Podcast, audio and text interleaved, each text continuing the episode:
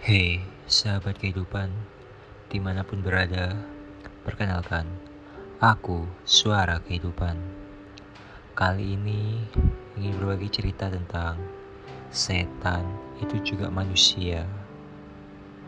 Kehidupan kembali mengusik hayalanku tentang masa depan, mimpi, dan harapan yang ingin aku capai. Kehidupan memulai ceritanya dengan berkata, setan itu juga manusia. Aku sama seperti kalian, tidak paham maksud kehidupan. Apa maksud kehidupan berkata, setan itu juga manusia? Tapi, aku terus saja mendengarkan, memikirkan, dan berhayal tentang apa yang coba kehidupan sampaikan padaku.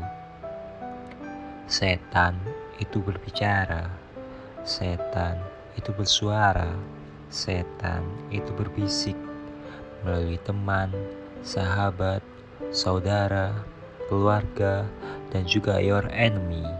Berbincang santai, gibah sana-sini, menjadi jamuan dalam tiap pertemuan. Setan dalam wujud manusia lebih nyata dan lebih berbahaya. Tak ada penyesalan dan ketakutan ketika berkata seakan sempurna apa yang ia katakan membuat kita ragu atas pilihan-pilihan kita, membuat kita ragu atas keputusan kita, membuat kita ragu akan sebuah keyakinan, membuat kita ragu terhadap sebuah kepercayaan. Pilihanku, keputusanku, keyakinanku, dan kepercayaanku terusik oleh setan hingga membuatku ragu, bimbang, dan tak percaya diri. Apakah aku harus berdiam diri, bersembunyi, atau berlari mencari jawaban? Kehidupan membuatku semakin bingung apa sebenarnya yang ingin disampaikan melalui cerita ini. Apakah ini tentang aku, sang peragu? Apakah ini tentang aku, si tak percaya diri?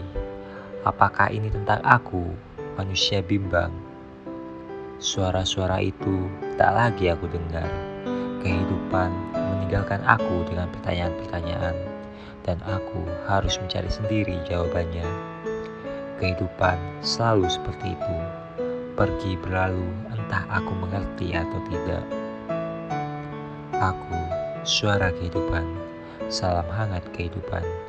Jangan lupa peluk erat orang yang kita sayang. Dan terima kasih telah mendengarkan suara kehidupan. Sampai jumpa.